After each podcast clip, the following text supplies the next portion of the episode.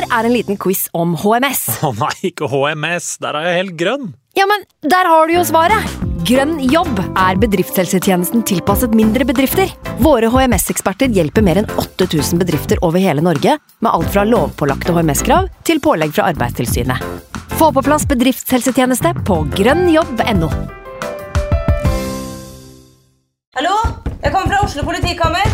Ine Jansen er purk. Er du purk? The motherfucking bitch. Alt jeg vil, er å finne ut hva som skjedde med mannen min. Jon Carew. Er jeg sikta for noe? Iben Akeli. Det er du.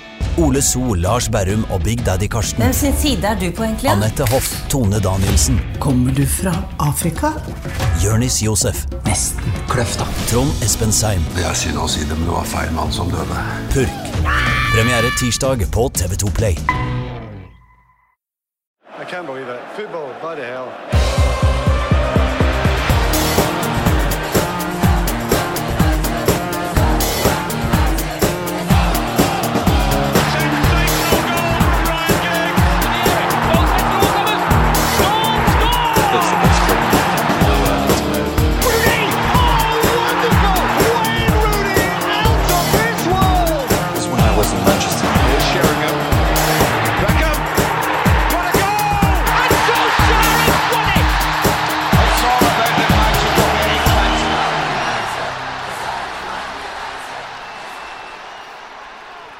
Velkommen skal du være til en ny episode av United We Podcast. Mitt navn er Ken Vasenius eh, Nilsen.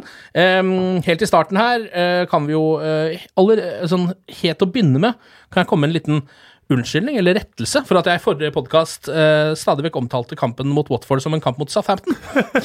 Det tar jeg på min egen kappe eh, og min egen, eh, mitt eget sykdomsleie. Jeg hadde ligget inne og ikke sett et menneske på en uke og kom hit og tenkte at det kom til å gå bra. Det gjorde det ikke. Nei, jeg så internett var rasende.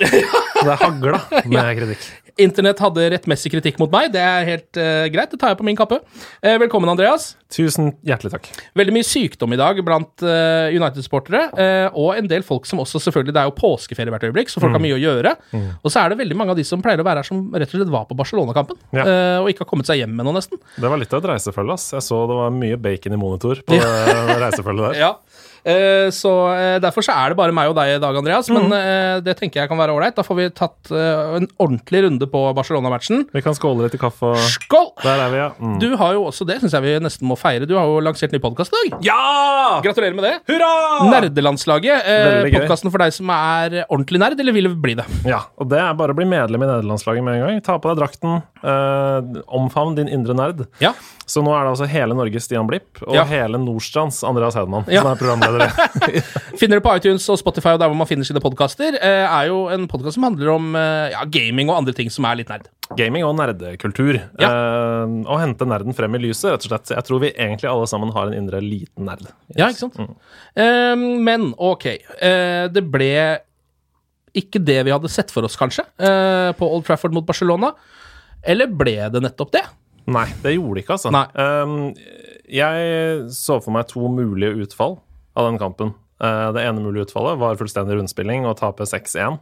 Ja. Uh, det var det ene mulige utfallet. Det var fryktutfallet som vi alle Ja. satt og kjente litt på før kampen, tror jeg. og som jeg så på som mest sannsynlig, Ja. for å være helt ærlig. Vi. Jeg visste at vi gikk inn i kampen uten en midtbane, egentlig. Eller altså vi var, Mm. Uten vår potensielt beste midtbane. Uten Herrera Matic, Ja. uten liksom eh, sluggerne, da, som man ofte tenker at man trenger i sånne oppgjør som mot Barcelona. De som har litt erfaring, de som har cool heads Mm. i det, på det, det tidspunktet. Men, eh, så Derfor så var jeg veldig bekymra for at de bare Altså, vi møter kanskje verdens beste midtbane. Mm. eh, Som bare skulle overkjøre oss da, på midten der. Men så kommer Nick Nack, Scotty Mac, opp fra uh, ingen steder og er en mad dog, som Mourinho kalte han etter kampen. Uh, Ja. og spiller en kjempekamp. Og det samme gjør Fred, og de har full kontroll på midten. Uh, og med litt sånne taktiske ting fra Solskjær der, med å flytte Dalot og Breere og sånn, så, så dum, jeg syns vi til tider dominerer kampene. Eh, Ja. Jo, og det, det, fordi det andre utfallet jeg så for meg, det var sånn stanging, begge lag kjenner litt på hverandre, ikke noe særlig finspill, 0-0 lenge, og så kanskje vi greier 1-0 på et eller annet sånn måket innlegg inn i boksen, Mm. som en eller annen får skutt med pungen inn i mål, eller et eller annet sånt. Altså et eller annet Ja. sånt mål, da. Typisk sånn Phil Jones skårer med kjækan. Ja, ja, ja. Så ble det jo da et sted midt imellom de to scenarioene, egentlig, det som ble resultatet. da, Altså 1-0 til Barcelona. Um, tidlig scoring, det, er vel tolv minutter spilt. når uh, Lionel Messi gjør den ene tingen han gjør i løpet av hele den fotballkampen.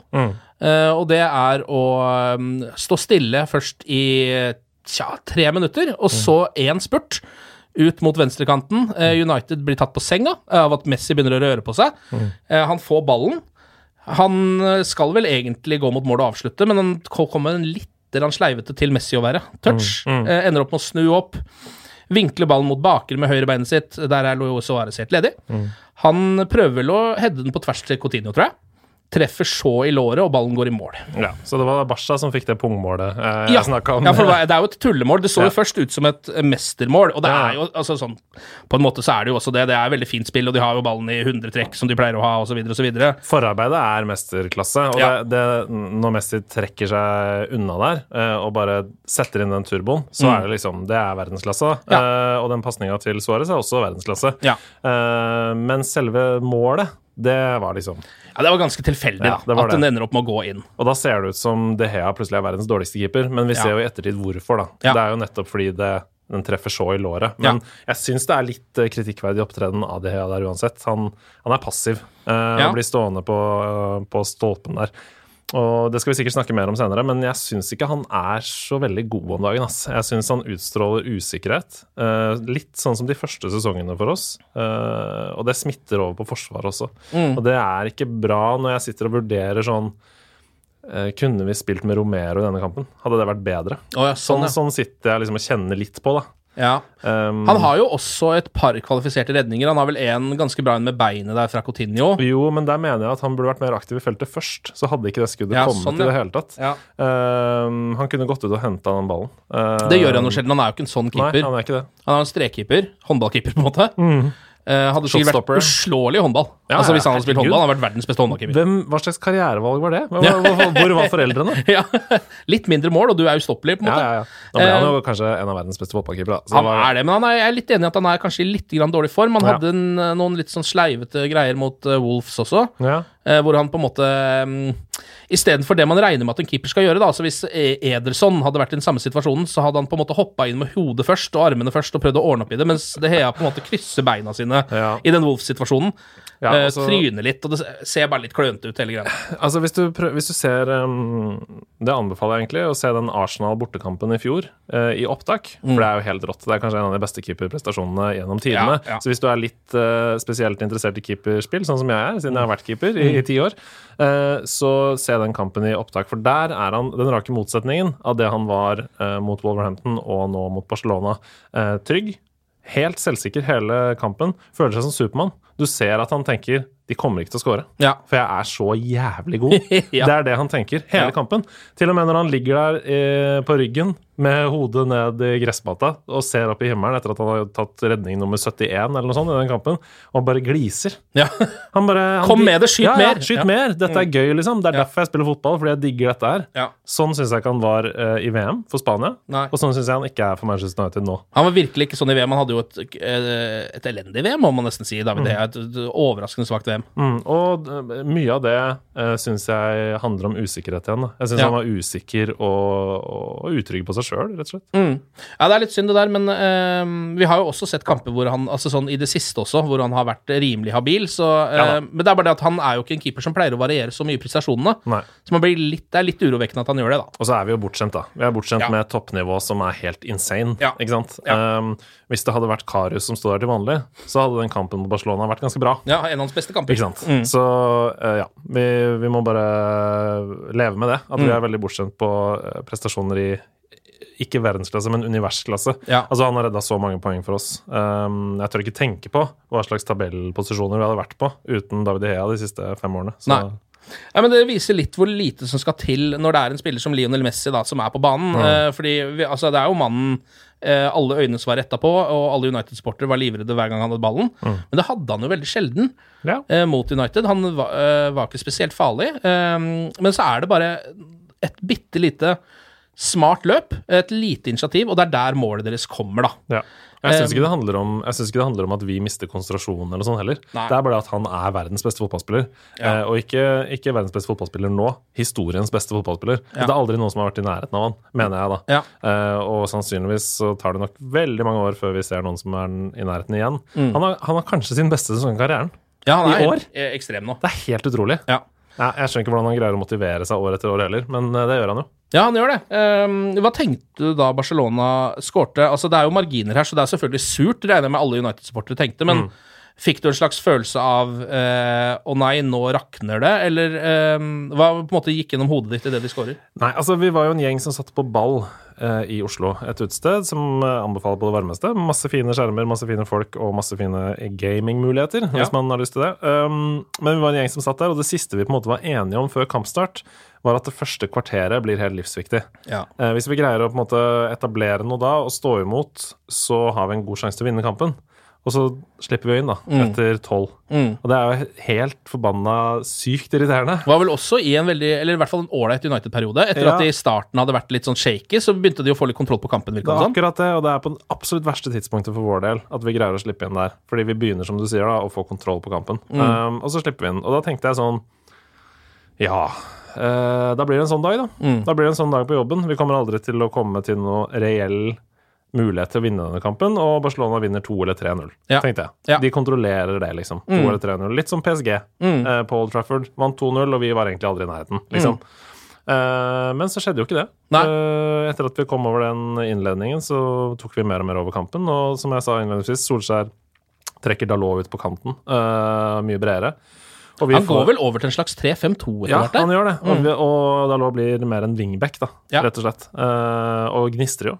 Ja. Og det fører til at det blir mye mer rom, uh, og mye mer ro. Og, um, og så er anført av en gjeng med spillere som ikke skal være på sitt beste før om tre-fire år, liksom. Eh, altså, det er smågutter. Da Ja. er 19, eller nettopp blitt 20. Ja. Eh, hvor gammel er McTominay? Nei, jeg vet ikke. Det er vel sånn rundt 20, 20 nå, da vel? 21, kanskje? Ja, og Fred han er jo bare en liten tass, han også, liksom. Uten noe særlig erfaring. Han har spilt, hans beste kamper kommer i Champions League. Enten han spiller for Shakhtar eller Manchester United, så Mm. Ja. kommer hans beste kamper i Champions League. Det er et eller annet med den spotlighten som han elsker. Um, så det var, nei, det var kjempegøy å se, og det var en periode der på liksom 15-20 minutter hvor jeg bare følte sånn Dette vinner vi. Ja. For nå bare maler vi på. Nå er vi Manchester United. Dette er Bayern München semifinalen Nei, finalen 99. Mm. Vi maler og maler og maler, liksom, og det målet kommer til å komme, da. Og det burde jo også ha kommet. Ja. For uh, Dalot får en helt uh, fri header der. Han gjør det, uh, og der ser man Altså, den ser lettere ut første gang man ser den, enn den gjør på reprisen. Uh, For der ser du på en måte at keeperen står veldig godt plassert. Det er kommet en spiller imellom. Så det han gjør, er å prøve å virke det som, da, i hvert fall vinkle den bort i lengste hjørnet. eh, Få en sånn buenikk på den, liksom. Zlatan spesial, eller hva man skal kalle det. Eh, Det får han jo ikke til, da, for så god hodespiller er dessverre ikke Talot. Ikke enda, Ikke enda. men for et potensial, herregud. Ja. Uh, han kommer til å Hvis han, hvis han fortsetter den utviklingen han har hatt i United dette året her, så er han jo da er vi jo sikra, da, i, på den posisjonen. Uh, om det Ja. er høyre back, Eller som jeg kant, da. håper det er. Mm. Jeg håper veldig at det er høyre back. Jeg håper at han får litt flere defensive fibre, fordi Ashley Young må aldri spille fotball for Manchester United noen gang igjen. Nei, det er jo eh, Det store samtaleemnet etter kampen er jo Ashley Youngs kamp. Han har en stinker av de sjeldne. Han eh, har vel noe sånt Nå husker jeg ikke alle statistikkene rundt han, men alle er dritt. Ja, altså, det, det er en, han har 30 innlegg, ingen går Ingen treffer. Uh, han har den laveste pasningsprosenten på hele banen. Uh, han Ja, altså alt, da. Det er, en, det er spesielt én statistikk uh, som har pekt seg ut for meg, og som jeg har uh, våkna kaldsvetta av om natten. Uh, våkna av et mareritt. uh, hvor det bare lyser tallet 3-0 i hodet mitt. 30. Og det er altså statistikken fra Oppta på at eh, Ashley Young hadde 30 ballmist. Ja. 30 ballmist Ja. i løpet av kampen. Ja. Det er én ballmist eh, hvert tredje minutt. Hele kampen. ja det, det skal ikke være. Eh, og at han har ballen så mye. Det er jo helt utrolig i Det seg selv. jo, det er jo nesten hovedproblemet, at det blir jo en periode der så blir eh, det altfor mye Ashley Young. Mm. Eh, Når han har en så elendig kamp som han har, så kan det ikke gå bra, da. For han er jo Det virker som at um, enten om Ashley Young tar det ansvaret selv, eller om United stoler så mye på Ashley Young, så er det han som alltid ender opp med ballen i de avgjørende situasjonene. Mm. Altså når ballen skal legges inn, eller du til og med kan gå på et skudd, så er det han som har ballen hver jævla gang Mm. mot Barcelona. Uh, og det, der ser vi jo på en måte sånn en gang for alle at vi trenger en ny høyrebekk. Det er to streker under det svaret etter den kampen. Vi trenger en, høy, en hel ny høyre side.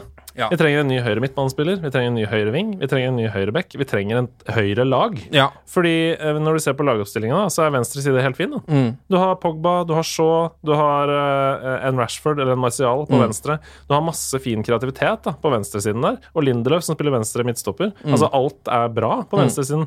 Høyresiden er det bare dritt. ja, den er det. Det er, det er helt krise, liksom. Og når Dalot i tillegg da ligger på venstre, da er det ingenting igjen da, Nei. på høyre. Eh, og det ser man jo også på alle heatmaps og sånn eh, i denne sesongen, da, i kampene til United, at det skjer jo ingenting på høyre side. Nei. Alt skjer på venstre. Ja. Eh, så vi må, vi må få Altså Mitt store mareritt nå om dagen Det er jo returoppgjøret uten Luke Shaw. For det betyr at Ashley Young må starte. Mm. Eh, og fordi da må Dalot kanskje spille høyreback, da. Og så må Young spille venstreback. Mm. Jeg, jeg ser ikke noe annet, jeg. Darmian spiller faen ikke den kampen, ass. Det må jeg bare si med en gang. Uh, Nei, uh, de andre alternativene Vi skal snakke litt om dette etterpå også, for det, mye av det samme gjelder jo uh, før helgens kamp uh, mot Westham, også Paul Trafford. Ja, ja. Um, men du har jo Det er jo Shaw må stå over der òg. Ja, Shaw og Young må stå over den kampen. Så Marcos Rojo er jo plutselig et alternativ som må ehm, vurderes. Nå, kan vi ikke hente hjem Fosumensa nå? Ja. Kan vi ikke gjøre det nå? Det er nå Ja. vi trenger det. Uh, hvis han da får en lovnad om Altså, han, han er vel kåra til Hva var det han da? Enten så er det han eller Tuan Zebe som er kåra til Nei, det er Tuan Zebe som er kåra til Championships eh, beste midtstopper Ja. i, i år. Uh, og så tror jeg Fosumensa har liksom han har fått en eller annen sånn internpris i Fulham. Men eh, med, for et eller annet. Men det samme det, stryk det fra loggen. Jeg bare tenker at jeg vil heller at eventuelt Fosumensa kan få en lovnad om innhopp og eh, en slags roter, rotasjonsrolle eh, i neste sesong, og så få han hjem nå, eh, enn at vi starter med Rojo på venstre kant. Ja, Det er, altså, de eneste gangene Marcos Rojo har spilt OK for Manchester United, på midtstopper. Ja. Når han har spilt på back, så har det vært så dårlig Ja, det har det. hver gang! ja, det har det. Jeg orker ikke. Nei, mot det- Barcelona på bortebane? Ja, nei, det der er litt skremmende, det, altså. Um, Nei, mot Westham var det, selvfølgelig. Ja, mot Westham, Ja, og altså- muligens også mot Barcelona. Ja, ja, ja. Hvis ikke, Da kan jo ikke Shaw spille, så vi får se. Oh. Eh, skal vi ta og snakke litt om eh, rett Eller sånn i ganske kort tid etter at Barcelona har skåret, så har United en, et strafferop fra Scott Ja, McTominay, som er inne i feltet. Eh, venner av en mann. Eh, kanskje får han et bitte lite spark på ankelen-leggen, Mm. eh, og så faller han veldig teatralsk. Hva tenkte du umiddelbart? Ikke Nei. straffe? Umiddelbart tenkte jeg nei, det er ikke straffe. Og så så jeg på det en gang til, i reprisen, og så tenkte jeg hvis du hadde reagert med en gang sparket går Altså hvis det hadde vært nå skal vi, Naturlig. ikke, ja, vi skal jo ikke oppfordre til filming her, for det, det må vi ikke. Nei. Men han, det er kontakt der. Det er utvilsomt kontakt mellom Mm. spillerne. Så hvis det, den kontakten hadde vært kraftig nok Det kan hende at han instinktivt prøver å holde seg på beina, Ja. fordi han er en ung, naiv eh, Og så skjønner han det fankeren. Her burde jeg ha falt, og så faller han. Ja, og så faller han. Uh, men hvis den kontakten Det er kontakt der, uh, og hvis han hadde vært med på den kontakten, kan vi si da, Ja. så hadde vi fått straffe. tror jeg. Ja. Men sånn som det, så situasjonen er, så er det vel ingen som sitter og tenker 'fankeren, det der burde vært straffe'. Nei da. Det, det, vi taper vi, Altså, det er ikke av det at vi taper poeng, på en Nei. måte. Eh, men en av grunnene til at vi kanskje taper poeng, eh, det er jo at Barcelona skulle vært ti mann. Jeg tenker du på Sergio Busquets? Busquets eh, burde hatt tre eller fire gule kort da, Ja. i løpet av kampen. Han skal jo ha et umiddelbart der som dommeren eh, ikke tar fordi det er for tidlig i kampen. Mm. Som også er en veldig rar eh, måte å dømme på, men, men man ser det hele tiden, så kanskje det er sånn det er, da. Mm. Eh, Ashley Young tar hevn med en gang eh, og gønner inn, for han ser jo her er det muligheten for å grisetakle noen uten å få kort. Så han går inn med knottene i, bak på akillesen til Coutinho eller noe sånt. Og får ikke gult kort. Og får ikke gult han heller, Nei, så- fordi han kan ikke gi han det når det ikke Busquets fikk det. Og så ser du dommeren gå bort, og så sier han sånn Ok, nå er det 1-1, nå begynner vi på nytt igjen. Så Ja. neste takling blir gult. Og det er Busquets. Da Ja. får han gult. Ja. Og så fortsetter han egentlig hele første omgang spesielt, Mm. og har sånne små Altså sånne eh, på kanten til gule kort gjennom hele omgangen. Altså, han henser helt åpenbart eh, en Ja, gang det blir jo ikke blåst på med, med armen ut fra kropp, Ja. eh, som er mye mer aktiv enn den straffen vi fikk eh, mot Hva var det? Wolverhampton, var det det? Nei. ja, altså tenker på mot PSG, eller? Altså sjølve straffesparket? Som Rashford Ja, satte? det var det kanskje. Ja, Ja, ja, ja. for den var Altså, jeg mener jo, hvis du skal høre på Edvardsen på Twitter, så mener han at det er åpenbart straffe etter regelboka. Det sier han. Han sier det er ikke noe tvil om det. Det Mm. Nei. er 100% straffe. Ja. Og hvis det var 100% straffe, det er i hvert fall det er en forseelse, det som Busquets gjør der, Ja. eh, som fører til gult kort. Ja. Og det er jo en aktiv arm ut fra kroppen. Ja, Hvis dommeren hadde sett det der, så hadde han muligens fått det gule. Han hadde vært, det hadde i hvert fall blitt et frispark til United. Dommeren ser det jo ikke, og VAR tar jo ikke frispark. De tar jo bare straffer og rødkortsituasjoner. Men det hadde jo vært en rødkortsituasjon, for han hadde jo gult fra Ja, men det er direkte rødkort de tar, vet du. Så der, der er det det, madre. det tekniske, så der fikk vi ikke VAR helt med oss, men vi kan kanskje ikke klage. Nei da, nei da, nei da, vi kan ikke det. Men uh, han skulle hatt rødt kort. Det er i hvert fall, og da mener jeg kanskje at det hadde vært en helt eh, annen kamp. da. Det, Ja. hadde, vi, hadde vi hatt 11 mot 10 i lengre tid der, Mm. så hadde vi hatt det overtallet som gjør at Lukaku får det lille ekstra rommet og scorer, liksom. Ja. Uh, ja.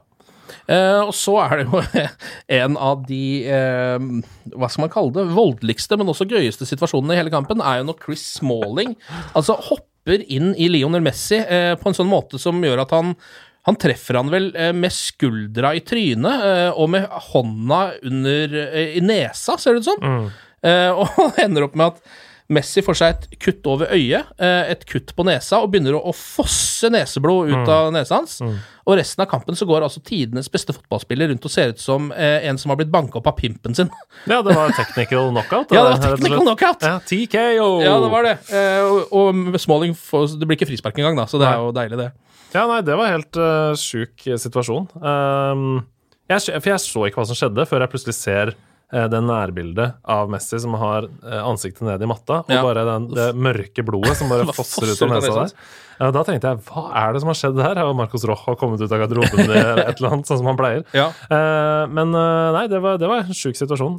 Og når du ser på det i reprise, så det ser jo ikke ut som han Jeg mener i hvert fall at det ser ikke ut som han gjør det med vilje. Det ser Nei, ikke ut som han prøver å skade Messi der. Det tror ikke jeg heller. Jeg tror det bare er Chris Smallings kroppskontroll som er av den, det kaliberet at han får ikke gjort noe med det der. Nei, altså en ekstremt ballfokus, da. Ja. Blikket hans er jo et helt annet sted enn på Lionel Messi. Ja, for han, hopper, han treffer jo ballen med hodet først der. Ja. Han hopper jo bare inn i situasjonen, treffer ballen. Resten eh, har han ikke noe kontroll på, tror jeg. Eh, Det men ja, det er jo ko eh, direkte komisk synes jeg, å se Messi så mørbanka Mm. i, fjeset som han var etter det der. Det satt eh, to Barcelona-fans bak meg på ball, som da, da det skjedde, ropte That is sabotage! Ja. It's a red card! It's sabotage! Å ja, du mente bare, det. Det, det er ikke sabotasje, og det er Nei. ikke red card, eh, folkens. Nei, det, det er jo ikke det, altså. Nå må vi ta av oss de spanske brillene, tenkte jeg. United blir bedre etter rundt en halvtime. Da uh, har de fått i gang litt aggressivitet, flytta noen spillere litt lenger opp på banen, virker det som, og vinner ballen mye mer. Mm. Som jo er på en måte det man må gjøre mot Barcelona, for hvis de får lov å trille, så får man ikke til noe, da.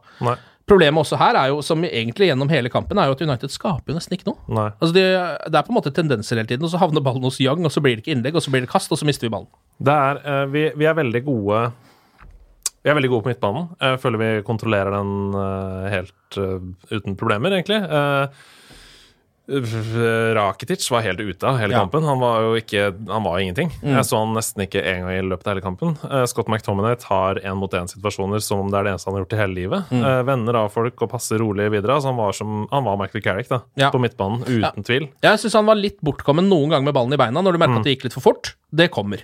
Alt annet var han Mm. Helt glimrende på. Ja, Ja. glimrende. Så, så midtbanen har vi kontroll på, men det er det nest siste, som du sier, som vi aldri Ja. får til. Nei. Eh, og det er jo veldig ofte fordi det er Young, da, som du er inne på, som skal ta den nest siste. Innlegget eller siste nøkkelpasninga eller sånn. Og så syns jeg, jeg Jeg sendte av gårde en melding ganske tidlig om at eh, det er så deilig å se at Pogba er på. For han Ja. har jo ikke vært på i det hele tatt i de siste kampene. og Han har vært mer i Real Madrid enn i Manchester United. I hodet sitt har det sett ut som, da. Så jeg følte sånn Yes, nå er han tent, og han hadde noen nydelige pasninger. Millimeterpasninger. Eh, sånne ikke, altså, Det ligna på det franske landslaget, som har Ja. sånn over forsvar og inn bak og sånn. Og når han forserer Busquets der, Ja, helt- det ene touchen nydelig. han har der, det er rein klasse. Men i, i det United hever seg som lag, så forsvinner han litt, Ja. syns jeg. Og det var veldig skuffende, fordi det er jo han da som må stå fram som den med nest siste på ballen. Mm. Eh, hvis vi skal skape de sjansene. Nest siste eller sist. Eh, ja, for han kan jo det der. For han altså, han kan det. kan jo det som Young ikke kan. Det er akkurat det. Ehm, så det var litt skuffende. Og, og Shaw hadde heller ikke noe spesielt god kamp. Ehm, han var liksom Han skapte ikke nok, da. Eh, hans store forse hittil har jo vært det offensive. Han har vært dritgod der denne sesongen og vært uh, rust oppover langs siden her hele tida. Men uh, jeg syns ikke han fikk til så mye nå, um, så det var, det var synd. Og da blir det veldig sånn at vi henger oss opp i at McTominay og Fred gjør kjempekamp og Ja. spiller midtbanen vår veldig, veldig god, Mm. men så har vi ingen som tar sjansen. Jeg syns ikke Rashford har noen god kamp heller. Eh, Nei, ikke veldig. Han har ikke det. nei. Han har ett godt skudd, eh, det frisparket han har helt i starten av kampen, eller ganske tidlig i kampen, er bra, men så faller det litt. Men det er liksom upressa. Ja. Du kan stå og sikte Ja og sånn. Um, apropos det, det ene frisparket som plutselig Fred tok. Ja, hvorfor gjorde han det? Hvorfor gjorde han det? Nei, det vet jeg ikke. Nei, da trenger vi ikke snakke mer om det. Men, men ja, det, konklusjonen er i hvert fall at vi skaper for lite, og det sier jo også statistikken etter kampen. At vi, vi, vi har god kontroll, og vi kommer oss ofte opp til nest siste ledd, men så stopper det. Um, og det er synd. Ja, det er, jo, det, det er jo på en måte Fred som prøver å ta det ansvaret, syns jeg, på midtbanen der. Mm. Og prøver å være kanskje litt mer balldistributør enn han er god for, da. Mm. For han prøver å slå noen av de lange gjennom på Rashford, som rett og slett bare lander rett på huet til stopperne til Piquet eh, så videre hver gang. Men han prøver jo i hvert fall å gjøre det. det sånn Pogba faller litt bort. Jeg syns også han egentlig sånn alltid har spilt en ganske god kamp, altså. Paul Pogba. Um, Og mediene er jo helt splitta. Han fikk eh, fire på børsen i Oi. Og så fikk han sju i The Guardian. ja. Så det er sånn uh, Det kommer an på hva slags øyne du har sett den kampen med, da. ja. Uh, og nå Altså, er han er nærmere sju enn fire. Da. Fire Ja, ja, ja. synes jeg det er så dårlig altså, Han spiller jo ikke en dårlig kamp. Nei, nei, og nå er jo Lekip uh, kjent også da, for å være utrolig strenge. Ja. Eh, det var vel ingen på banen som fikk bedre enn seks. Ok, Uh, Verken på Barcelona eller United. Nei. Um, så, så det var strengt. Men, men eh, jeg er enig i at det er en sånn splittende kamp, fordi det er ikke så lett å se hva det er han gjør, eh, alltid, i den kampen her. Eh, Nei, men det han i hvert fall altså sånn, Han mister veldig lite ball, da. Det er, er jo det han ofte gjør når han er i dårlig form. Så mister han altfor mye ball. Det gjør han jo ikke så mye i den kampen her. Tenk om vi hadde spilt med Alexis Sanchez. Å, det hadde vært så frustrerende. Det hadde vært Ja. den mest frustrerende kampen jeg har sett i hele mitt liv. Ja, For eh, det hadde vært mye ballmist, ja. Ja. Ja, ja, ja, ja, ja, ja Han mister veldig, veldig mye ball. Eh, vi kan jo gå litt inn på noen av de United-spillerne som eh, gjør en god kamp, før vi går inn mot slutten av kampen, hvor det også skjer litt ting. Eh, vi har vært innom at Young ikke leverer. McTominay eh, spiller sin beste kamp noensinne, sannsynligvis, på det høyeste nivået han har spilt. Dalot spiller også veldig bra, helt til han blir bytta ut eh, rundt 70. minutt. Eh, har jo en kjempesjanse på hodet som han kunne ha satt, men man kan ikke kreve at han, en ung back scorer på det der hver gang heller. Og så syns jeg jo Fred nesten Altså Jeg syns nesten Fred er bedre enn McTominay. Ja, fordi, Ja, kanskje fordi, ja, fordi han gjør så mye med ball, da. Han er sikker i pasningen. Han har vel nesten ikke Han, har, han mister faktisk ballen én gang uh, utenfor 16, hvor det kan bli farlig for Barcelona, men bortsett fra det så har han en plettfri match, nesten. Ja, ja. Og det er jo et nivå man ikke har sett av Fred før. Nei, og Derfor så blir det enklere for meg å kåre han til man of the match. Ja. Fordi um, Det er litt sånn motsatt av det vi snakka om De Hea. Forventningene våre til De Hea er så høye at når han ikke presterer på det øverste nivå, så er vi veldig skuffa. Ja. Uh, mens forventningene til Fred er så lave Ja. at når han presterer som han gjør, da, så uh, er det veldig lett å hylle den Ja. eh, prestasjonen. Men det er jo veldig deilig å se, da, for folk som er redd for at Fred aldri kunne bli noe i United. da Kjempedeilig. Og det er jo sånn Mange av de spillerne som Guardiola henta til City, sleit i første sesongen. Mm. sleit med å komme seg inn i Premier League og sleit med nivået sleit med fotballen Pep ville spille og var vant til å spille helt annerledes.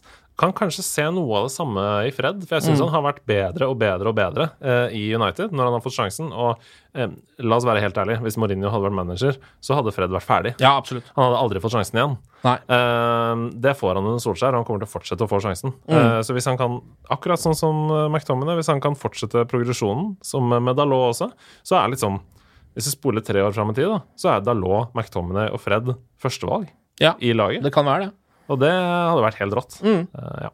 Og så syns jeg også Chris Smalling gjør en ganske bra match. Jeg også! Han vinner jeg, alt, liksom. jeg var så skeptisk på forhånd, fordi jeg er så lei av Smalling. Jeg er så lei av Smalling. Uh, Ja.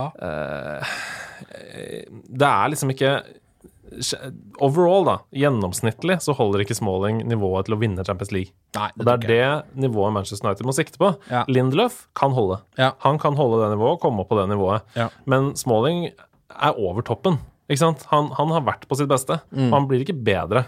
Ehm, så derfor så Og derfor så mener jeg også at vi må by... Altså, han kan være rotasjon, liksom. Ja, ja. Men vi må rydde alvorlig opp i det forsvaret og kline ut mye i sommer ass, eh, fra det forsvaret, syns jeg. da, Og hente mye også. Mm. Vi må hente verdensklasse, ikke sant. Eh, Langt uh, resonnement, men uh, poenget mitt var at jeg hadde ingen forventninger Nei. til Smalling. Når du, når du leser på forhånd sånn Ja, kan Young og Smalling stoppe Messi? Ja. Er det sånn, nei, de kan, de kan ikke de det. kan ikke det. Men han kunne det. Han, Han gjorde det. fikk jo til det, Han gjorde det. på en måte. Og Suárez hadde han 100 kontroll Ja, på. jeg, jeg syns han gjør en kjempegod kamp. Jeg var veldig stolt egentlig av Forsvaret. Og jeg er også veldig stolt av Lindelöf sin reaksjon i ettertid.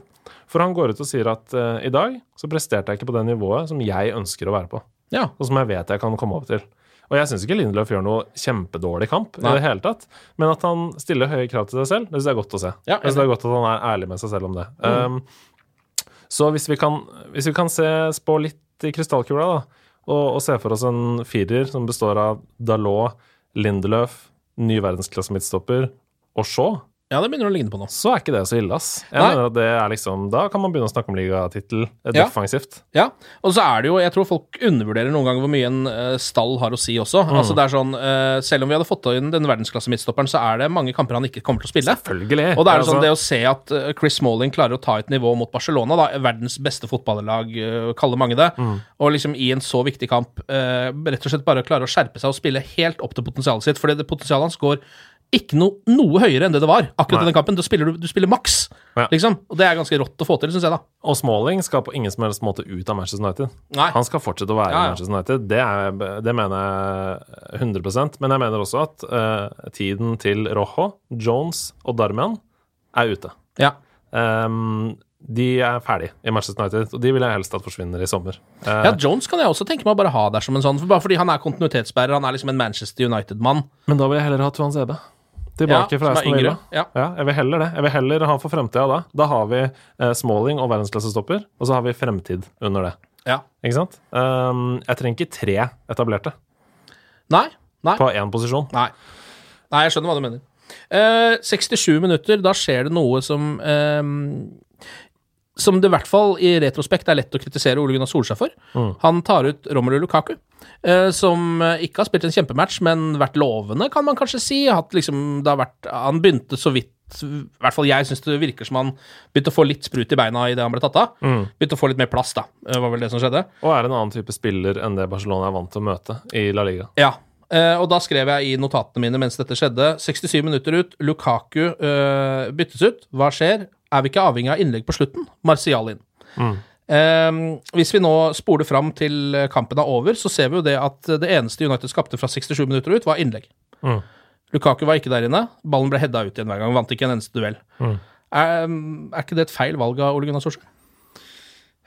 Ja, hindsight is 2020, er det ikke det man sier? Jo, men Um, dette skrev jeg jo mens det skjedde. Ja, det, det, det Ja. Eh, Jeg tenkte, da Lukaku gikk ut, så tenkte jeg um, Da roper hele Old Trafford på Martial, da. Det må jo Ja, sies. Altså, ja, ja, Da sangen går og ruver, runger, runger. Da tenkte jeg uh, Nå kommer det på en fyr som én mot én på sitt beste er en av de beste i verden. Én mot én. Ja, Martial. Ja. Ja. Eh, debutkampen mot Liverpool, hvor han drar av to stykker Ja. og legger den lengste. Jeg, jeg tenkte i min naive 1,90 høye kropp dette kan skje igjen, tenkte jeg. Eh, hvis han får eh, lov til å bli et urommoment ute på siden der og kan dra seg inn og skyte, så er til Stegen en god keeper. Men er det noen som kan lure han, så er det Tony. Tenkte jeg, da. Så jeg jeg, jeg var ikke helt sånn udelt negativ Nei. da det byttet kom. Fordi det ble en forandring. på en måte. Jeg tenkte sånn, ok, men da skal vi spille med langs bakken, da, og så skal vi eh, ut på kant der, og så skal han utfordre én mot én. Men det skjedde jo ikke. Nei, og Der er jo nøkkelen, for hvis du skal gjøre disse byttene, så må du jo spille på en annen måte. Mm. Men de fortsetter jo å spille i den samme formen som de på en måte har gjort da fram til da i kampen, som er ute Ashley Young og innlegg. Mm. Og de, nå begynner han jo å treffe på et par av innleggene sine så. Eller han treffer ikke spillere, man får det inn i boksen. Så i det byttet går, så tenker jeg ok, dette er en taktisk endring. Kult. Nå prøver vi noe annet. Nå, nå skal vi prøve noe annet. Fordi det som vi har prøvd hittil, har ikke funka. Uh, men vi skal bare prøve det samme med feil spillere. Ja. Er, og da blir det jo feil i ettertid. Uh, og om det er spillerne som ikke klarer å omstille seg fordi Ole Gunnar har gitt instrukser om å omstille seg, eller om det er for utydelige instrukser fra Ole Gunnar, eller om det Eller ikke om det er Barcelona plan. Som presser litt å spille Ja, sånn. Altså, det, er det, det vet man ikke, men i Nei. ettertid så er det jo riktig som du sier, at å ha selv om Lukaku egentlig ikke er noe utprega target man Jeg syns ikke han er det. Han er ikke det. Uh, så Men han er vår så- beste hodespiller Han er vår beste hodespiller, offensive, har fysikk som et beist. Mm. Så, um, så ser det nok i ettertid ut som at vi burde beholdt han, kanskje tatt av en annen for Martial Mm. eh, inn. Kanskje tatt av uh, Ja, jeg vet ikke. Altså, Lingard gjør jo ingenting. Han er helt, uh, han er helt fortapt der ute. Ja. Og han kom jo inn eh, for Dalot rundt 70, han. Litt overvurdert, eller? Jesse Lingard. Ja. Han er jo vært i um, han, Det er rart at du sier, for han er jo den spilleren som er liksom sånn kronisk undervurdert, er jo det man alltid kaller han. Uh, men nå har han jo siden VM ikke prestert på det nivået som Jesse Lingard kan prestere på. Og han er jo en spiller som må spille opp til makspotensialet sitt for at det skal være bra nok, da. Beste sesong i karrieren i fjor, syns jeg. Ja. Uh, han var strålende mot Arsenal borte. Han det var dance floor, og du vet, han fikk til utrolig mye. Han Mm. Ja. var, Plutselig så så han ut som eh, at vi hadde redda høyresida vår. Mm. At han skulle være høyreving eller, eller skjære inn som en tier eh, bak der. Og vi tenkte sånn Yes, nå kommer Jesse. Uh, men jeg syns ikke han har hatt noe bra sesong i år. Nei, han har ikke det. Ikke det hele tatt. Nei, det, Eh, stagnert det ser man jo litt på spilletiden hans òg. Ja, han burde han jo være fastere enn han er på det laget. Jeg syns han er mye svakere enn i fjor, og Ja. det er litt bekymringsverdig, fordi han er ikke ung. Vi, folk tenker Jesse Lingard er et uh, ungt talent. Han er ikke ung. Nei. Han er over 30. Nei, nei, Jesse Lingard er ikke over 30, nei. Jeg trodde det. Nei, nei, nei, er du gæren? Jesse Lingard tror jeg er 26, jeg. Ok, okay, ok, Kanskje han er. Eller er han 25, Ok, ok, kanskje. Ja. Jeg, jeg tar selvkritikk. Jeg, jeg, bare, jeg skal bare finne Ja, finne tittelen. Nei. Fordi alle sa jo sånn Ja, men han er en late bloomer, og Ja eh, Ferguson sa at du kommer til å slå gjennom når du er 26, eller hva det var, som var fjorårssesongen, da. Ja. Um, men det holder ikke i lengden, da. Da. Hvis han skulle slått gjennom i fjor, så man gjorde, da må det nå være hans nye nullpunkt. Ja. Sesongen i fjor, Ja. og så kan han vokse derfra. Ja. Hvis det skulle vise seg i retrospekt å bli hans beste sesong noensinne, og så er det nedover herfra, da vi jo Da sitter vi med sekken, da. Ja. I sekken. Han er 26, det er helt riktig. ja, 26, ja. Over 30, hvor fikk jeg det fra? Nei, det vet jeg ikke. Eh, men eh, jeg- Ja, nei, så gammel er han ikke, men eh, brått så er han jo over 30, da. Du Ja, skjønner hva jeg mener? Det er ikke så mange årene han har igjen på toppnivå nå. Nei. Eh, nei, men Jesse Lingard tenker jeg er sånn Han er, han er litt sånn United-DNA. Ja, ja, så uansett en fin fyr. Nei. Nei. Men han er liksom sånn eh, Det er på en måte Jeg syns det er litt svakhetstegn hvis han ikke er eh, Hvis han er noe mer enn en troppsspiller òg, i United. Så er det litt svakhetstegn. helt. Han skal ikke bort, men han skal heller ikke være førstevalg. Nei.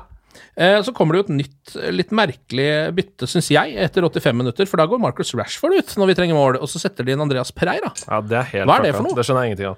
Nei, det skjønner jeg ingenting av. Det, Eh, det, det, altså, Da tar du jo han ene av to spillere, da, hvis du tar Martial og Rashford, som er de to som på egen hånd kanskje kan skape noe og skåre et mål å runde en mann og sette den. Det eneste jeg kan lese ut av det, det er at uh, Solskjær føler nå holder vi på å miste det. Nå holder vi på å miste en til tross for At han alt. tror det skal bli 2-0? Ja. Å ja. Fordi, som det står i notatene her, eh, 81 minutter, klønete av Pogba, lager fri, Messi fra 16. Fuck! ja. Han bommer jo på det frisparket, Ja, ja, heldigvis, ja, ja, ja, ja. Og det går jo bra, da. Ja. Men det kan hende at han i det eh, Eller at hele ikke Altså, dette har vi sagt før, jeg tror ikke Ole Gunnar tar de avgjørelsene aleine. Det sitter en McFeelen eh, det sitter en Carrick der, det sitter en McKenna. De, de snakker sammen hele tida. Dette er en firer som tar avgjørelsene sammen. Eh, så det må bare disclaimer her. Ja, ja. Jeg, jeg, Vi er klar over det, men det er på en måte når du er manager, så er det du som har ansvaret, da. det stemmer. Det er overordna, liksom. Eh, Det er deg det faller tilbake på. Men, Ja. men, men det kan godt hende at de fire der tenker Vet du hva? Vi hadde 2-0 i sekken da vi dro til Paris, Eh, og vi vant 3-1. Det er bedre med 1-0 i sekken. Ja. Eh, og at de da tenker Rashford har ikke hatt noe spesielt god kamp. Det ser ikke ut til at vi kommer til å score her. La oss heller trygge inn 1-0. Vi må i hvert fall ikke slippe Vi må i hvert fall ikke slippe inn Ja. to.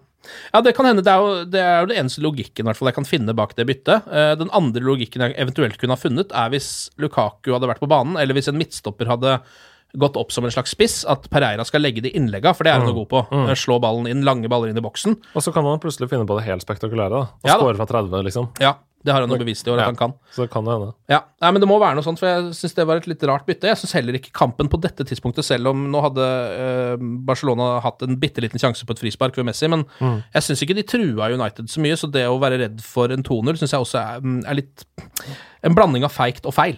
Ja, pluss at eh, da blir det litt sånn hult, eh, alle de ordene som Solskjær sier både før og etter kampen, som Ja. er sånn Nei, Manchester United, never say die. Mm. Vår mentalitet er at vi alltid kan vinne. Vi gønner på til the bitter end. Mm. Uh, da er det litt rart å Ja. bytte ut en spiss for en midtbanespiller Ja. som uh, Ja. Egentlig er tenkt som en slags sånn CDM, eller en Ja, liksom en litt dyptliggende playmaker, Litt dyptliggende playmaker. Ja, nei, det var litt, det var litt merkelig bytte, det der. Eh, en del innlegg på slutten, ingen som klarer å omsette det i noen ting. Ingen som vinner duellen engang, og det blir 0-1 eh, Barcelona, da. Det er nesten ingen som går i duellene engang på slutten her. Det virker som de Eh, eh, resignerer litt, faktisk, Ja. på slutten, som er helt omvendt av Manchester United-DNA. Det vil vi aldri se igjen. Nei, så det var veldig skuffende, syns jeg. Den innspurten var skuffende. Ja. Men fra Ok, hvis jeg skal litt sånn grovt, da, så er det fra 15 til 80 minutter, kanskje. Ja. Så er jeg eh, glise, jeg. Ja. Jeg sitter på puben der og roper høyt og er helt med og tenker fy faen, dette er mye bedre enn det jeg frykta. ja. Um, så at vi har en dårlig periode på starten og slutten av kampen, det Det glemmer jeg. er jo sånn, altså det er Barcelona vi spiller mot, Ja. og det er jo sånn som skjer mot Ja, ja, eh, alle lag, egentlig. Det kan jeg godt, det kan jeg godt eh, velge å glemme, liksom. Mm. Når uh, Jeg syns det er såpass mye bra i den kampen. Det, er, jeg, det kan godt hende at noen, eh, les Henrik Fladseth, tenker at vi skal vinne Champions League denne sesongen. Ja. Eh, det tror ikke jeg. Eh, og jeg tror ikke det er forventningen til United-fansen heller. Nei. Så det handler om å komme så langt som mulig i turneringen. Suge til seg alt som er av inntrykk. Du må huske at Se på den stallen, da. Vi spiller med Victor Lindelöf, eh, Diogo Dalot, eh, Fred McTominay. Unge folk, liksom. Som ikke Altså, Victor Lindelöf spiller sin første kvartfinale i Champions League noensinne. Ja, ja. Eh, og det er det mange som gjør der. Ja. Så dette er, dette er lærdom. Vi skal Ja. suge til oss hvert eneste lille inntrykk. Vi skal spille foran 100 000 mennesker på Kamp nå. Og vi skal suge til oss alle inntrykkene, sånn at når vi kommer dit neste år, så vinner vi. Ja, ikke sant? Det er en god innstilling, det. Um, jeg har også skrevet her, liksom, det skrev jeg vel rundt sånn 80. minutt, um, rett før United begynte å falle litt grann av. United klart best hele andre omgang til nå, fortjener noe i denne kampen, skrev jeg. Er du enig i det, eller? Ja, helt enig. Eh, 1-1 hadde for meg vært et uh, helt fint resultat. Ja. Hadde de bare skapt noen sjanser, så kunne vi i hvert fall ha sagt at de fortjener noe. Det er litt vanskelig å si det når du nesten ikke skaper en sjanse, men Og Ja. det, det, altså, mange situasjoner vi kunne få straffe. ja. Og da hadde jo Rashford Da hadde vi jo nok skåret, ja. Så 1-1. Eh, så er du egentlig litt stolt av Manchester United, eller? Ja, ja, Ja. Jeg er kjempestolt, jeg. Eh, altså Vi kan ikke være så naive at vi tror at Manchester United er verdens beste fotballag per dags dato. Nei. Barcelona er et nivå over oss. Ja. Eh, og det er også PSG. Ja. Og så har vi klatra the mountain before. Altså, vi, vi slo PSG på bortebane. Um, mirakler kan skje. Vi kan slå Barcelona borte. Vi, altså, eh, bare tenk litt over det. United skårer tidlig. Eh, Sånn som mot PSG. Lukaku et eller annet. Drar av til stegen. Mm. Legger den i lengste. Så er det 1-0, da. Og så slipper vi inn, selvfølgelig. For det gjør vi jo Ja. uh, mot Barcelona borte. Messi skårer på frispark fra 40 meter. Kanskje 1-1 etter 50 da, minutter. Og så tenker vi ah, fuck. Men da trenger vi bare ett mål. Da trenger vi bare ett mål for å gå videre, når det er 1-1. Ja. Og det Altså, når Altså, hvis de scorer, hvis de scorer et mål United på, uh, på kamp nå, ja. så er, da er det et glimrende utgangspunkt, vil jeg si. Fordi Ja. da har du altså sånn Det å ha bortekampen til sist er jo en for, klar fordel, fordi du kan lene deg litt på de bortemåla. Eller hvis du må ha et mål, så det, teller det mer, liksom. Altså, da Mbappé skårte eh, Ja, for PSG? For PSG Ja. mot oss. Mm. Da så synes jeg det så mye mørkere ut. Ja. Da tenkte jeg ok, der er spikeren i kista. Hun må ha to mål. Kommer aldri til å gå. Nei. Uh, men hvis eh, Messi skårer etter 50 minutter, det er 1-1, og vi er, sånn, vi er med spillemessig i kampen, da kan alt skje. Vi trenger Ja. bare ett mål. Ass. Vi, trenger, tror- ja. vi trenger bare å vinne 1-0 eller 2-1. Jeg tror også faktisk eh, at uh, Altså Selv om det er mulig jeg undervurderer uh, trøkket på kamp nå og sånn nå, men måten, hvis man bare ser på det rent sånn taktiske måten lagene spiller på, da, så vil Barcelona vil, uh, gå mye hardere ut på kamp nå. De vil spille mye mer offensivt. De la seg jo litt bakpå mot United, nesten, som Barcelona egentlig aldri gjør, men gjorde litt, spilte litt på det possession-tryggheten sin. Um, men når de går ut på kamp nå, så er det ingen Da begynner folk å bue hvis de gjør det. Selv om det er mot Manchester United, så de kommer til å trøkke på. og Det blir Ja, ja. kontringssjanse for United. Jeg var på, mm, jeg var på kamp nå tidligere denne sesongen. Ja. og så eh, Barcelona mot eh, Hva var det det var, da? Husker jeg ikke Girona. Ja. Barcelona-Girona. Og det ble uavgjort. Ja. 2-2. Mm. Eh, Girona leda 2-1 nesten hele kampen, og det var helt forferdelig stemning. Ja. Altså, Barcelona fikk ikke til én dritt. Eh, og det var buing og klikking fra tribunen. Og så er det selvfølgelig Messi, da, Mm. som på mirakuløst vis greier å score på overtid. Ja. Fordi det gjør han jo alltid. Ja, ja, også. Eh, men i stormen så ser de svake ut, syns jeg, ass, hvis de møter på motgang. Um, og det må jeg bare si at hvis vi, hvis vi vinner den kampen 1-0, da, og det går til ekstraomganger Eh, da vil jeg mye heller stå i eh, en krigssone med Ole Gunnar Solskjær enn Valverdas. Det mener jeg helt seriøst. Der syns jeg, altså under press, så syns jeg eh, Solskjær fremstår med sitt team i ryggen som en mye mer mann jeg stoler på enn Valverde. Ja. En trygg havn, på en Ja, måte. jeg tror at Barcelona-spillerne heller ser til Messi da, enn Ja. å se til sin manager. Det er jo det de gjør, da. Mm. Eh, sjanse for avansement, da. Skal vi legge det på Hvis vi skal ta en Drillo da, og legge en prosent eh, på det 15, eller? Nei, 80-20. 80-20, ja. 80 Barcelona, 20 United. ja. Jeg tar de oddsene, jeg. Jeg syns det, det høres Ja, greit ja. ut. Så hvis vi spiller den kampen ti ganger, så vinner Barcelona åtte av ti ganger. Ja. Skal heldigvis bare spille den én gang. eh, noen poeng til de beste Manchester United-spillerne, eller? Eh, 3-2-1 er jo måten vi Ja. gjør det på. Nå får jo faktisk du enevelde. Oh, Veto til å bare bestemme det. dette. Jeg er hersker Ja. eh, og diktator. Diktator Hedemann, han gir tre poeng til eh, Fred. Ja, det syns jeg er helt fortjent. Kjempefin kamp. Uh, lover godt for fremtiden. Ja. To poeng til Nick Nack, Scotty Mac, Tommy Nay. Ja. Uh, som uh, bare fortsetter å ta steg etter steg, og som ser ut som en spiller for fremtiden. Mm. Uh, oh, det er mange vet du, som ligger der og vaker på ett poeng. Som, det er mange som fortjener det poenget. ja, vi har jo nevnt Dalot. Smalling har vi snakka så vidt Ja, om. jeg tror jeg må gi det til Smalling. ja. Fordi han presterer så mye bedre enn det jeg hadde frykta på forhånd.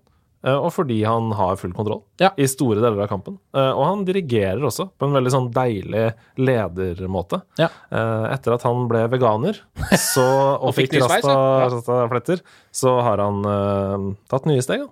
Ja. Så når man bare begynner med yoga, sånn som Ryan Giggs, så blir det enda bedre. Det funka for han, det. Jeg er helt enig i poengsummene der. Det er sikkert kanskje noen som reagerer på at Scott McTominay ikke får BB-prisen, fordi det har han fått i de fleste andre aviser og medier. Men jeg er helt enig i at jeg syns Fred var enda mer imponerende, altså. Eh, faktisk, i den kampen. Og det- kanskje litt fordi det er en spillertype jeg setter pris på, er en som klarer å dirigere litt midtbane og aldri miste ball. Eh, nå kan vi ta noen rykter, kanskje. Eh, Ander Herrera er jo på vei til PSG. Han er ferdig, han. Han er ferdig i United, er han ikke det? Åh, fy søren. Jeg kjenner jeg får klump i halsen når jeg snakker om det. Det er skikkelig Wow. Jeg trodde ikke jeg skulle reagere så mye, faktisk. Jeg blir Nei. skikkelig rørt jeg, når jeg sitter her nå. Fordi fordi Ander Herrera har vært så viktig for Manchester United i den overgangen fra Alex Ferguson. Um, han har vært en, en av de få som har stått igjen med uh, rødt blod i alle årene, og som uh, i hvert eneste intervju har snakka om hva det vil si å være en United-spiller. Han er den eneste som har forstått oss, føler jeg, Ja. hele veien. Ja. Um, det har vært uh, på og av hos noen andre spillere, men eh, Herrera har vært en klippe. Han har Ja. alltid stått der. Og i likhet med Chicharito, som jeg hater Louis van Gaal for at vi solgte, uh, så er han litt på samme måten. Ja. Lojal, trygg, uh, kan finne på ekstraordinære ting. eh, og en terrier som alle hater å spille mot. Ja. Alle som møter andre Herrera på midtbanen, alle andre lag hater jo Herrera. ja. Det er litt som Suárez for oss.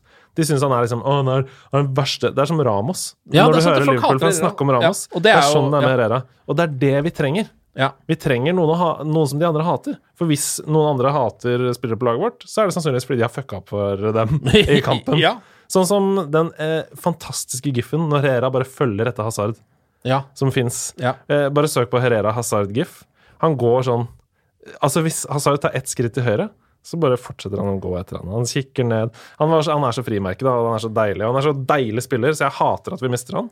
Uh, men når det er sagt, så har PSG lagt en kontrakt på bordet som er 200 000 eh, pund i uka i fire år. ja. Fyren er 30. Ja, du skjønner at han tar kontrakt, eh, kontrakten? Så eh, det går ikke an å klandre Herrera for at han går. Nei. Eh, og United skal heller ikke møte de kravene. Nei, jeg er litt enig, faktisk. Um, så det er utrolig vemodig og utrolig trist å miste han. Vi mister så utrolig mye Manchester United uh, når Herrera stikker og spiller mot uh, Sennep i Frankrike. ja. Uh, men um, det, det er ikke noe alternativ. Vi kan ikke gi han en kontrakt på 200 000 i fire år. Det går ikke. Nei, det er jeg enig i. Det eneste som er, liksom, det som er synd med det, er også det rent sånn Hvis man skal kjøpe en spiller av kaliberet til Andre Herrera, um, så er det en veldig dyr spiller. Og det tar to år før han blir god. Som er sånn det er, det er det som er litt dritt med det. Vi mister en spiller som både er, har delvis vært fast, delvis vært squad-player, og tatt begge delene like bra. Ja. Uh, han, som du er inne på, så er han litt sånn United-DNA. Han og Mata, liksom. Selv om de er eh, spanjoler, så er det på en måte de som jeg føler har um, tatt vare på um, United-historikken på en eller annen måte, da. Eh, og nå er det jo mulig at Mata også blir borte. Får jo ikke ny kontrakt. Barca snuser visst på han. Ja, det er jo i så fall som en squad-player, da. Ja, absolutt. og det er ikke tvil om at hvis Mata stikker til Barca og spiller squad der, spiller kanskje ti kamper i året, da, Mm. så kommer det til å gå helt fantastisk bra. Altså, se på Han er jo, altså, han er jo perfekt i Barcelona på en eller annen måte. Han er jo en, eh, en eh, spilleren Eller sånn Altså, Han er jo en offensiv eh, angrepsspiller med taktisk eh, kløkt, eh, som kanskje ikke har det helt i beina lenger, men har alt det andre. Det er som de siste sesongene til Scholes. I Ja. Ja. Eh, det, altså, selvfølgelig kan han gjøre en jobb i Spania, liksom. Eh, tenk når de skal eh, konkurrere i tre turneringer på likt, Barcelona, og møter Manchester United eller Juventus i Champions League, og skal møte Dijon da, mm. samme uka i La Liga. Selvfølgelig spiller Mata mot Dijon. Ja. Han kommer til å eie den kampen mot Dijon. Han kommer til å være en regista som bare styrer spillet. Ehm, vi kan også ta med oss Nei, Dijon, at det er eh, Frankrike. Ja, det- ja, det er? Frankrike. Jeg mente eh, Mallorca. Mallorca, for eksempel, kan du jo endelig spille mot da. Eh, United vil muligens erstatte Herrera med Idrissa Ganagay, er liksom et navn som har dukket opp nå, som er en av de nye transfer-ryktene. Um, han Ja, hva skal man si om Idrissa Ganagay? Da spiller for Everton en helt ålreit En fattigmanns uh, kanté, kan man si. En litt sånn eh, Som brekker opp og løper mye, vinner mye ball. eh, ikke sånn drita god til å spille ball, syns jeg, de gangene jeg har sett han spille. Jeg er litt sånn skeptisk til at eh, en del av ryktene som går nå, er på at vi skal erstatte eh, spillerne våre som har gjort eh, en god jobb for oss i mange år, med sånn mid-table-spillere fra Ja. Premier League. Det er sånn, ja, du kan stå fram eh, Jeg er helt enig i at Neves er god. Ja, han er det. Han er god. Men han er ikke proven på det øverste nivået. Absolutt Han har ikke spilt kamper mot eh, Real Madrid og Bayern München og Juventus, liksom. Han spilte jo nettopp i championship, på en måte. My point, exactly. Eh, hvorfor skal vi ta inn spillere som vi ikke er 100 sikre på at forsterker uh, troppen? Som er bedre enn det vi har. Det det, hvorfor, nei, hvorfor skal vi ikke gjøre det, mener jeg? Det, ja. det, er det, det det vi trenger nå. Vi trenger verdensklassespillere som kan gå inn rett i elveren. Ja. Fordi eh, lovende unge gutter, eller eh, spillere som eh, potensielt har et nivå som er høyere enn det de er i dag, og som vi ser at har en utvikling, det har vi jo masse av. Ja. Vi hvis vi skal kjøpe spillere nå, da må vi, da må vi kjøpe Kanté. Ja. Og så må vi kjøpe eh, en verdensklasse midtstopper, og vi må kjøpe de, de beste i verden i posisjonene. Det er det vi trenger. Vi trenger kortsiktig tankegang. Fordi langsiktig, langsiktig tankegang har vi masse av. Vi har masse talenter som gjør det kjempebra, og som vi kan hente hjem fra lån, og som er, eh, som er potensielt verdens beste spillere om fem år. Men akkurat nå, hvis vi skal oppnå suksess, som se på City. De har en kortsiktig plan og en langsiktig plan. De har spillere som leverer nå, Aguero f.eks., som ikke kommer til å levere om tre år. Det er jeg helt sikker på. Ja, ja. Uh, kortsiktig. Og så har de langsiktig med Kevin De Bruyne, som kan spille der i ti år hvis han vil. Ikke sant? Um, og ikke minst alle disse andre, Silsjenko og alle på midten, da. Uh, det, det er Det blir for tullete og for naivt å tro at vi skal, vi skal ha et lag som består 100% av talenter for fremtiden. For det er vel og bra. Det er Manchester United way å ha talenter for fremtiden. Men vi må ha ledestjerner også. Vi må ha de beste i verden i noen posisjoner. I mye større grad enn tidligere også, da, i 2019. Ja. ja, jeg kan være enig i det. det er jo, eh, samtidig så er det jo liksom sånn Det, er jo, det, det her spørs jo veldig på manageren, spillestilen osv. Sånn som Jørgen Klopp, for eksempel, da, hvis vi skal gå dit og uh, snakke om Liverpool. Verdensklassespillere i alle ledd. Eh, ja, nå, ja. Men eh, ikke da de kom til Liverpool. Hvis du skjønner hva jeg mener. Altså, eh, Sadio Mané, eh, en helt ålreit Southampton-spiller, skårte litt mål. Nå verdensklasse. Mohammed Salah, helt grei spiller, ingen som snuste på han. Nå verdensklasse. Eh, Vinaldum, helt grei spiller for Newcastle, eller en av Newcastles beste spillere, på en måte. Skårte bare på hjemmebane. Nå verdensklasses midtbanespiller. Ja, men så har du van Dijk, da, og Alison. Van Dijk og Alison var proven. Ja. Så det er noe annet. s- Så jeg er delvis enig i argumentet, og jeg skal Ja. ikke være så bombastisk som jeg var eh, innledningsvis her, men, men jeg bare Og det jeg mener med verdensklassespillere òg, det er ikke verdensklassespillere som er over middagshøyden. Sånn som Falcao, eh, Ja, ja, som vi kjøpte, liksom. Eh, var god, Ja. men ikke da vi kjøpte han. Så du Eh, er skeptisk med- til Gareth Bale, for eksempel? Det er det er bare å drite så jævlig langt i. Mm. Jeg skal ikke ha Bale i 100 meter omkrets fra Old Trafford en gang. Hvis han skal spille mot oss en eller annen gang, så skal, skal han spille. Han skal ikke være på stadion. Nei, det nekter jeg. Men, men vi må kjøpe Vi må kjøpe Kolibali. Vi må Ja. kjøpe Kanté. Vi må legge de pengene på bordet. Vi må gi David De Hea 350 000 i uka. Vi må beholde Pogba. Vi må, vi må ha de beste, og vi må gi de det som markedet krever. Ja. Hva, hva er dette for noe hva, Altså at, eh, at vi har diskutert i eh, hva er det, 21 måneder med agenten til David De Hea om ny kontrakt for David De Hea. Det er helt sjukt. Det er, helt for, det er for meg sjokkerende og Ja. dårlig ledelse av en fotballklubb. Ja. Hvem var det som satt her som jeg satt og snakka om det sist, at det er jo mye dyrere å hente en keeper ja, som skal ha like dyr kontrakt. Og han er ikke like bra. Han er helt sikkert ikke like bra. Ok, Hvis vi henter Ter Stegen, da, av alle ting Hvis Ja. vi greier å dra Ter Stegen ut av Barcelona, tror du han vil ha mindre enn 350 000 Nei. i måneden? Nei. I uka? Selvfølgelig ikke! Nei. Han kommer til å be om de samme betingelsene. Ja. Og bare at vi må legge en kjempe overgangssum på toppen. Det er bare tull. Bare gi han de pengene. Det er, ja. nei, jeg synes det er sjokkerende. Vi må holde på de beste vi har. Vi må signere verdensklassespillere. Og vi må tenke langsiktig med de unge talentene vi allerede har. Ja. Og kjøpe Van Bissaka på høyrebekk. Ja, han er fin, han. Jeg liker han, ja. Eh, med selvmålet til eh, Luke Shaw, som det jo ble kreditert som til slutt, så eh, har United nå flest selvmål i Champions League-historien. Stolt statistikk. Det er, mange, det er mange gode statistikker vi har brutt de siste fem åra. ja, eh, vi er jo veldig opptatt av å ligge på toppen av verden eh, når det kommer til statistikk. Her er vi på toppen. Ja. Det er fantastisk. Men hvor mange står Phil Jones for? Eh, halvparten, vil jeg tro. Nei, jeg er ikke sikker, men han har ganske mange, ass. oss. jeg tror United har ni eller ti selvmål ennå. Ja. Jeg tror kanskje Phil Jones har tre, Ja, det har han. hvis jeg ikke tar helt feil. Helt sikkert. Westham er eh, kommende motstander på uh, lørdag 18.30 på Old Trafford. Uh, formen deres er eh, veldig opp og ned. Altså De fem siste kampene deres så har de to seier og tre tap. Og de to siste kampene deres har de tapt. Det er riktignok eh, borte mot Chelsea en av de, som det ikke er så rart at de taper. Og så er det en vel hjemme mot Everton, så vidt jeg kan huske. Det var bare så vidt, det, da. Eh, Ja. Det var en kamp som vippa, liksom. Men eh, eh, de, er jo, de er jo definisjonen på det du sier der, da. Sprettballag, liksom. Mm. Det er dagsformen. De kan gå ut og være helt eh, herjete, og Arnautovic kan være bare en av verdens beste spillere. Og så kan de gå ut og være helt avskrudd. Ja. Eh, så det var bare gjenstår å se uh, hva vi møter. Uh, mest sannsynlig så møter vi fullstendig påskrudd og det sjukeste laget vi har møtt noen gang. For sånn er det jo alltid når, det, Ja. når vi møter uh, antatt svakere motstand. Ja. Og mest sannsynlig så har keeperen deres en helt vill dag Ja. og redder sånn 20-30 skudd. Det kan fort hende, det. ja. Eh, vi får jo håpe at Manchester United altså har gode opplevelser fra at de tar med seg den Barcelona-kampen som et pluss, da, Mm. og ikke som et minus. på en måte Jeg ville, Hvis jeg hadde spilt den kampen, så ville jeg tenkt sånn Fytti pokker, neste kamp skal vi i hvert fall vinne. Det er mot Westham, liksom! Vi spilte mot Barca her nå sist. Fy fankeren, vi skal vinne den kampen. Mm. Ja. Hadde jeg tenkt. Men uh, jeg tror kanskje jeg begynner å grine hvis Chicharito avgjør, liksom. Ja, det orker, det orker vi ikke. Det orker jeg ikke. Da må jeg bare sende Da må jeg sende brev til van Gaal. Tror du han feirer, da? Ja, det tror jeg. Chicharito, hvis han spiller? Ja, det tror jeg. Ja, Ja, han elsker jo fortsatt Manchester United, men måten han ble behandla på under van Gaal, det ja. Under all verdighet.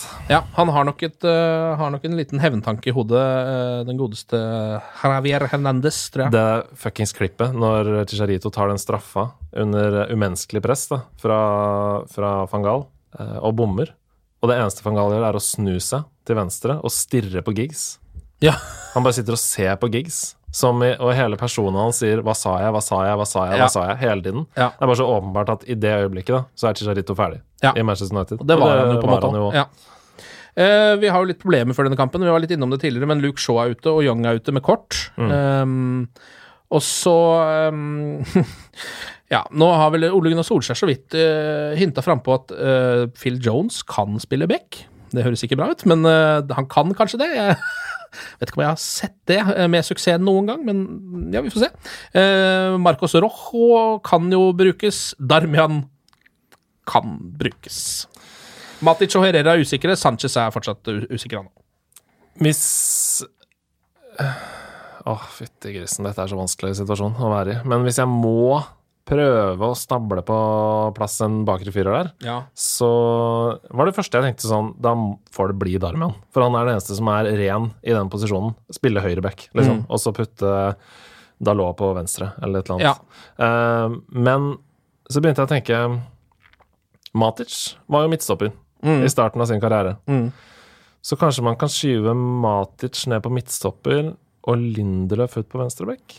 ja, Lindløf kan jo spille back, tror jeg. Så, Ja. altså sånn så vidt, da. Ja. Eh, Han er jo midtstopper, han også, helt Han klart. Men har gjort det. nå er jo Matic også litt usikker, da.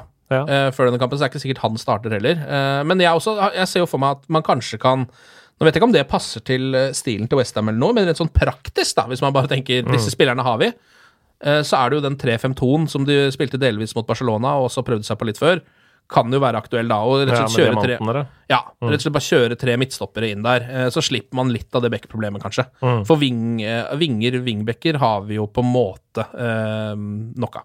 Ja. Men vi får se. Eh, Det blir jo spennende å se hva slags lag Ole Gunnar Solskjær stiller med i den kampen. Jeg gruer meg. Eh, Ja, det gjør det. ja. bortsett, bortsett fra at det er ferie, da. Så det gleder jeg meg til. ja, det blir deilig, da. Mm. Jeg gleder meg litt til den kampen. Jeg, kan, eh, jeg tror det blir en liten revansje. Nå har det vært eh, ganske noen liksom, skuffende resultater på rappen. Ja. Nå må det komme en liten, eh, et lite påskeegg. Er det fire tap på rad nå? Ja, er det ikke det, da? Det er Ja. malurt i begeret det er etter den starten Jeg vet ikke om det er tre til eller fire, men- ja. Det har liksom gått litt under radaren, fordi folk eh, var så i um, ekstase. eh, Både over at han fikk jobben, men også over at den lange seiersrekka. Men nå har han tross alt tatt fire på rad. Altså. Ja, men han porsjonerte ut i alle cupene, da. Ja, det er sant. Så han har på en måte ikke gått på én smell i noen av de, bortsett fra at han liksom- røk ut av FA-cupene. Det er Barcelona. eh, Og det er eh, Det høres helt sjukt ut å si det, men det er tross alt Wolverhampton eh, som er best of the rest altså, i Premier League. De har Ja. hatt en kjempesesong og var dritgode i fjor òg. og hvis de greier å etablere seg på dette nivået nå, så er de en eh, topp sju-utfordrer de Ja. neste sesongene. Spørs bare hvor lenge de får beholde noen av spillerne sine. For de Ja. har jo noen, sånn som Neves eksempel, kan fort gå til en litt større klubb, tror jeg, Mm. etter hvert. Ehm, så vi får se litt på det. Men eh, helt klart. Og fortsette å plukke de beste spillerne som går under radaren i fransk, eh, spansk og italiensk liga. Så Ja. Og ikke minst portugisisk. portugisisk. Mm. Herregud, hele laget er portugisisk. Det er det. Ok, eh, da kan vi jo konkludere med at vi tross resultatet er ganske stolte av Manchester United eh, og kampen mot Barcelona. Kunne lett ha gått, eh, blitt et helt annet resultat. Har fortsatt ikke gitt opp å gå videre. Definitivt ikke. Jeg er stolt av trenerteamet, og jeg er stolt av alle gutta som var der ute, og som gjorde Som blødde, rett og slett, for Ja. drakta. Og det, det har vi ikke sett under Mourinho, så det må vi bare ta med oss. Ja. Og så satser vi på tre poeng mot Western, for det ville vært faktisk bitte litt grann krise hvis ikke, altså. Vi må vinne! Vi må vinne! Vi må vinne! Glory, glory!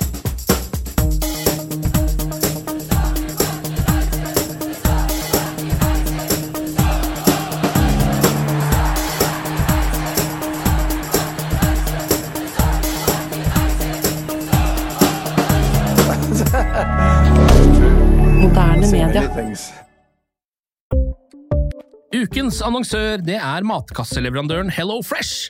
Der kan du velge mellom 25 ulike oppskrifter hver uke, eller få Hello Fresh til å sette sammen en meny for deg. Jeg sparer tid på å handle, oppskriftene er veldig enkle å lage, og så får jeg akkurat det jeg trenger da, til hver eneste rett, så jeg slipper å kaste så mye mat som jeg vanligvis gjør. Det er også litt deilig å faktisk slippe å gå på butikken, ikke bare fordi det er tidkrevende, og sånn, men fordi man ender opp med å kjøpe så mye greier som man egentlig ikke trenger, sånn som fire poser eh, Smash og en kick med havsalt, eksempel. Det er ikke det du egentlig er der for, du er der for å kjøpe, kjøpe middag. Så det er en veldig eh, kjekk ting. I tillegg så er det jo eh, ferdigporsjonerte ingredienser, det blir mindre matsvinn, og du betaler bare for det du faktisk trenger, og det du faktisk da spiser. I tillegg så blir det da levert på døra til et eh, fastsatt tidspunkt, sånn at du kan få det akkurat når det passer for deg eh, sjæl.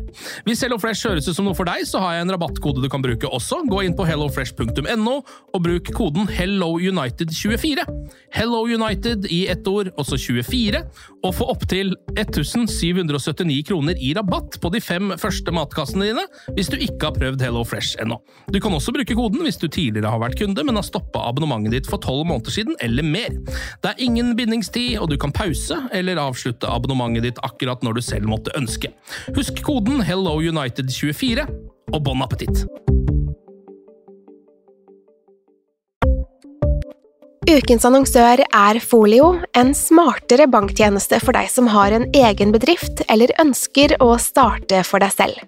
Folio er en superenkel nettbank for bedrifter. Som kunde i Folio får du en bedriftskonto med et bedriftskort og app. I denne appen er det smarte løsninger som forenkler regnskapet ditt, uansett om du har en liten bedrift eller et enkeltpersonsforetak. Folio er både intuitivt og brukervennlig, og er laget med et enkelt språk. I tillegg tilbyr de forutsigbare priser og ingen skjulte gebyrer. Skulle du likevel trenge det, så kan du snakke med deres raske og hyggelige kundeservice, og der får du prate med en faktisk person og ikke en chatbot. Folio er med andre ord både enklere og koseligere enn banken. Over 10 000 bedrifter har allerede valgt Folio som sin banktjeneste, så besøk folio.no og se hvordan Folio kan forenkle din hverdag også. Har du et enkeltpersonforetak eller en liten bedrift? Da er du sikkert lei av å høre meg snakke om hvor enkelt det er med kvitteringer og bilag i fiken, så vi eh, gir oss her, vi. Fordi vi liker enkelt. Fiken superenkelt regnskap.